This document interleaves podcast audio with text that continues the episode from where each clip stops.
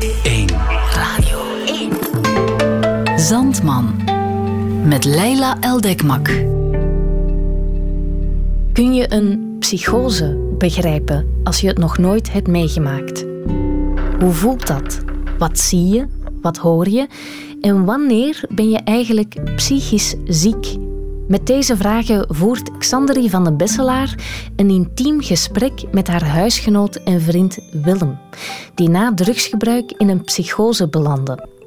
Het resultaat hoor je in het wondermooie werk De regen die naar boven valt. Ook wat een prachtige titel. Ze won er in 2015 geheel terecht de NTR Podcastprijs mee. Ik wens je heel veel luisterplezier met De regen die naar boven valt. Zandman. Stel, je staat voor het raam, je kijkt naar buiten en het regent. Maanden aan een stuk, net zoals het altijd al heeft geregend. Dit is Willem. Willem is mijn huisgenoot en een van mijn beste vrienden. Ik heb hem gevraagd hoe een psychose voelt. Um, plotseling besef je dat, zonder dat je weet wanneer het precies gekanteld is, um, de regen niet langer naar beneden, maar naar boven is aan het vallen. Willem werd afgelopen zomer opgenomen in een psychiatrisch ziekenhuis. Maar ja, jij kent mij daar natuurlijk goed genoeg voor. Maar hoe dat je dat dan iemand anders uitlegt? Um, ik heb Willem gevraagd waar het misging. Wat maakt dat hij ziek is en ik niet? Misschien moet jij het uitleggen. Oké. Okay. Um, Willem experimenteerde als puber met psychedelische drugs. Met LSD en paddo's. Maar daar weet ik niet zoveel van. Goh, op zich rookte ik al jarenlang vrij opzichtige hoeveelheden cannabis. Um, op dat opzicht ben ik misschien meer Nederlander dan jij. Mm. En op een gegeven punt ben ik dan uh, vooral met ja, psychedelica beginnen experimenteren. Uh, en dat heeft dan... Ja, dat heeft vrij snel een psychose uitgelopen bij mij. Hij woont nu in een therapeutische gemeenschap waar hij probeert zijn leven weer op de rails te krijgen. In de tussentijd schrijft hij, leest veel en speelt gitaar. Hoi Xan, dit is een testopname. Ik heb hem gevraagd om een audiodagboek bij te houden. Het is zondag de 20ste. Ik zit momenteel op mijn kamer alleen. Het is. Ik weet niet hoe laat het is. Het is half twee. Want tussen een scheur tussen de gordijnen komt er vaal grijs licht naar binnen gecijpeld. En je staat op het punt om naar hier te vertrekken. Willem zit in een oud herenhuis in het centrum van Antwerpen. Vlakbij het huis waar we samen woonden. Er wordt samen gekookt, gegeten, gehuild en therapieën gevolgd. Het is een huis waar mensen verstrikt zijn geraakt in hun eigen hoofd. Er zijn momenten dat de treinen op tijd lopen, bij wijze van spreken. Um, ander moment is het het um, spoornetkundig equivalent van botsautootjes op een kermis. Min of meer. Internationaal. Willem heeft een kleine kamer met witte muren. Er staat een bed, een bureau en een kast. Zonder de hopen kleding en kisten vol boeken op de vloer is het er kaal. En aan de lamp heeft hij een oranje kussensloop gehangen. Tegen het kille licht. Ik vraag hem hoe de kamer zou veranderen tijdens een psychose. Over het algemeen zijn het eigenlijk ja, de, de hersens die associaties beginnen te leggen tussen wat al voorhanden is, um, maar associaties die ja, aan zich niet zijn. Um, kan ik het uitleggen? Um, deze muur is niet effen. Um, er zitten overal van die kleine um, ja, uitstulpsels in. Um, aan zich, je kunt bijna met je vingers volgen. ehm, je kunt er overal lijnen in beginnen trekken. Ehm, tijdens een hallucinatie zou je die in C allemaal met elkaar in verbinding beginnen uh, brengen. Zouden daar in verschillende kleuren lijnen in beginnen ontstaan, die dan grotere vormen worden en vervolgens met elkaar verbinden. En plotseling zie je ja, een soort slierende lelies voor je verschijnen, die dan van vorm beginnen veranderen. We kijken naar het witte sierpleister.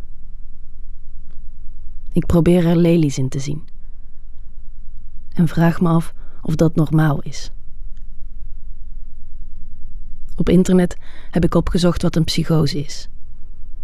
Wikipedia zegt dat een psychose een psychiatrisch toestandsbeeld is waarbij de patiënt het normale contact met de werkelijkheid geheel of gedeeltelijk kwijt is. Maar wat is normaal? Normaliteit is een middeleeuwse beul die mensen met zwepen gezelt. Ik vind het normaal dat gras groen is. Dat ijsjes koud zijn. Dat je pijn hebt als je je stoot. Ik vind het normaal dat stilte stil is. Ik vind het normaal dat regen naar beneden valt. Maar misschien is dat voor Willem anders. Hoi Xan, het is donderdag de 24e. Um, het is kwart voor drie. Um, even kijken. Uh, het is een langzame dag vandaag. Uh, er zijn sowieso niet heel veel sessies op donderdag. Enkel creatieve therapie in de ochtend. Maar het punt daarvan ontgaat mij de laatste weken vrijwel volledig. um, ik bespeur dat er bij veel anderen ook een soort weemoedigheid hangt. Um, ja, ik, ik weet niet zo goed wat te rapporteren momenteel eigenlijk. Um, bij mensen voelt het hier heel vertrouwd aan en op anderen heel onwezenlijk. Niet het gevoel hier thuis te horen. Um, bon, ja, meer heb ik eigenlijk niet te vertellen voor vandaag. Uh, morgen meer. Ciao, Xan. De uitslagen van het ziekenhuis zijn net binnen. Willem is stiller dan gewoonlijk. Ze hebben hem geadviseerd zich te laten overplaatsen naar een instelling met intensievere begeleiding, iets wat Willem wilde vermijden. Ik vraag hem naar de therapeutische gemeenschap waar hij nu zit. Mm.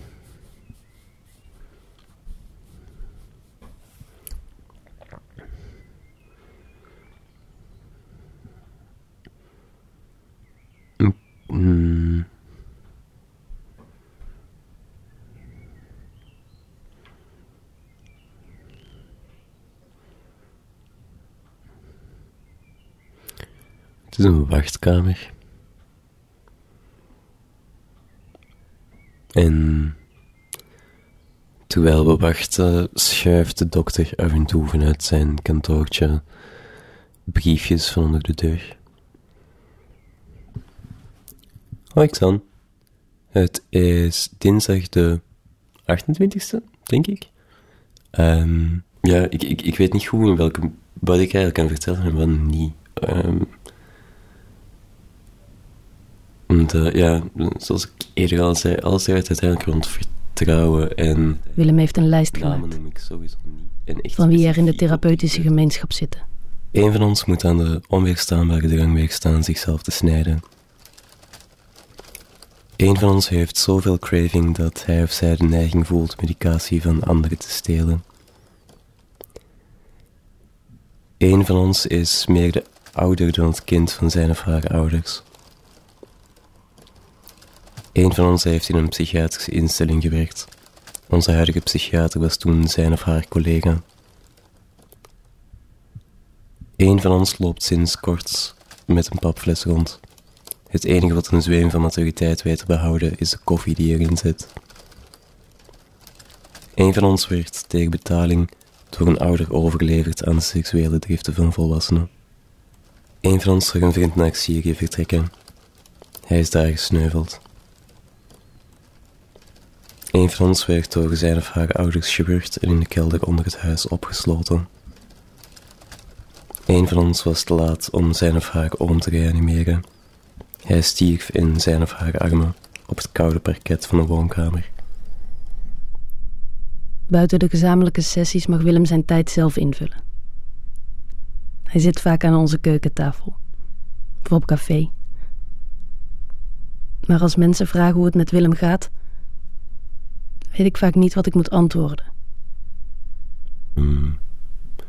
En dat vind ik wel, dat vind ik wel heel lastig. Dat zeker bij ja, kennissen of mensen die je nog wel vaker tegenkomt. Um, als ze dan gewoon vragen van, hey, hoe gaat het mee? Waar zijn je mee bezig?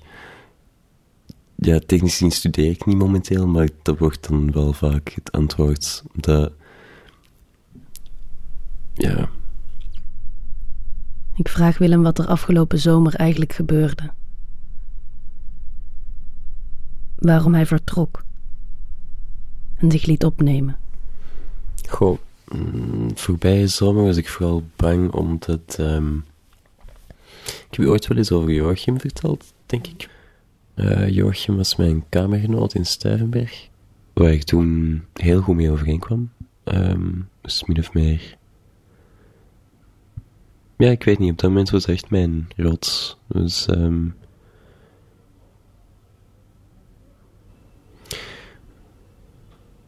maar goed, Joachim, die. Um,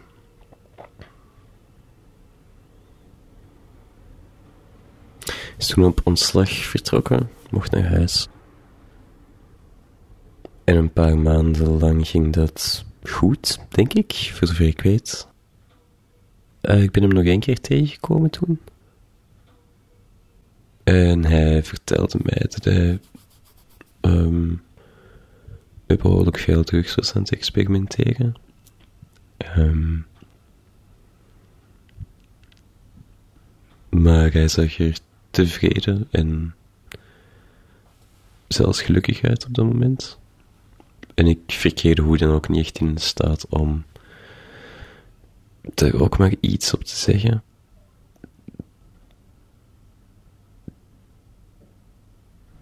Ja, het is, ook niet het soort staat waarin dergelijke zaken tot u doordringen.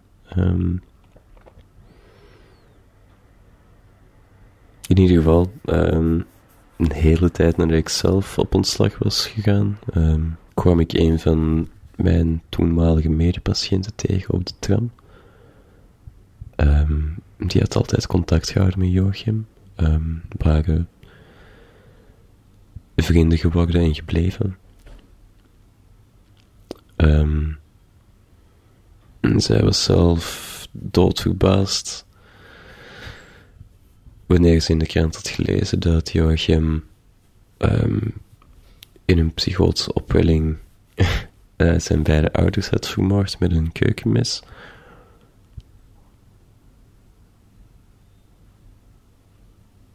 Dus ja. Het gebeurt op het moment dat hij daar zelf totaal geen controle over heeft. En in dat opzicht is het heel eng om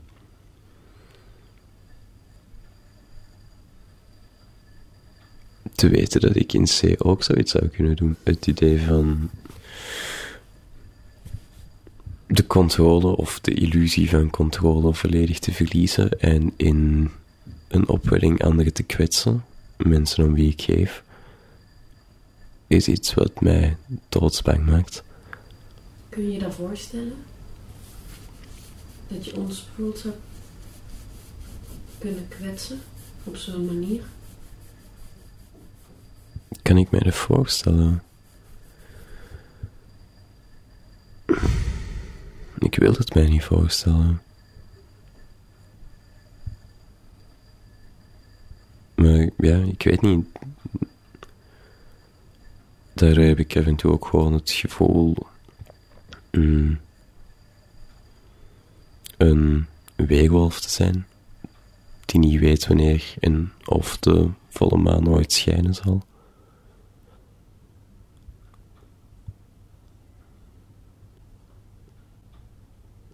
Hoe klinkt een psychote? Mm.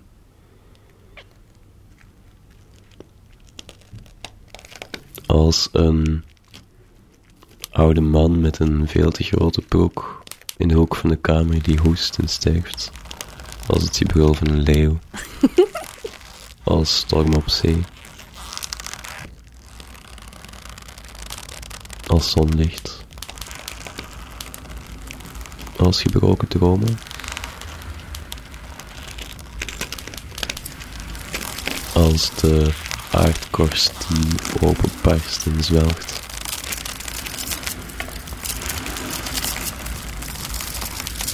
Als de lach van een vriend.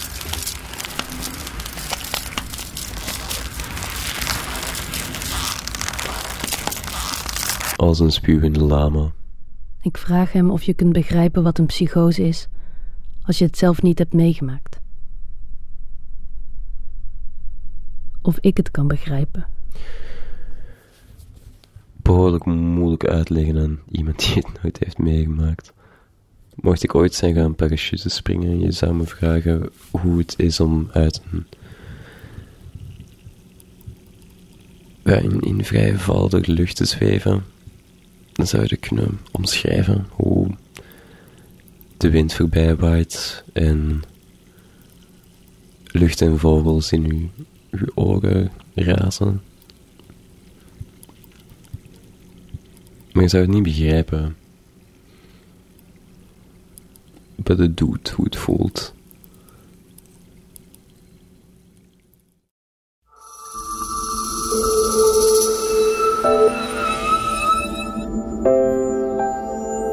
Zandman. Dit was De regen die naar boven valt van Xanderie van den Besselaar. En met haar tweemanscollectief Veto is ze bezig met een langlopend onderzoek naar de werkelijkheidsverschuiving van mensen met een psychotische kwetsbaarheid. Het onderzoek draagt de naam Als het Ware. En met hun project Binnenin, in samenwerking met Chaos VZ2, waarbij ze in een psychiatrisch ziekenhuis zullen verblijven, werden ze onlangs ook geselecteerd voor de Arts in Society Awards. Interessant dus, bekijk het zeker eens en kom dan daarna graag terug naar hier voor een nieuwe Zandman.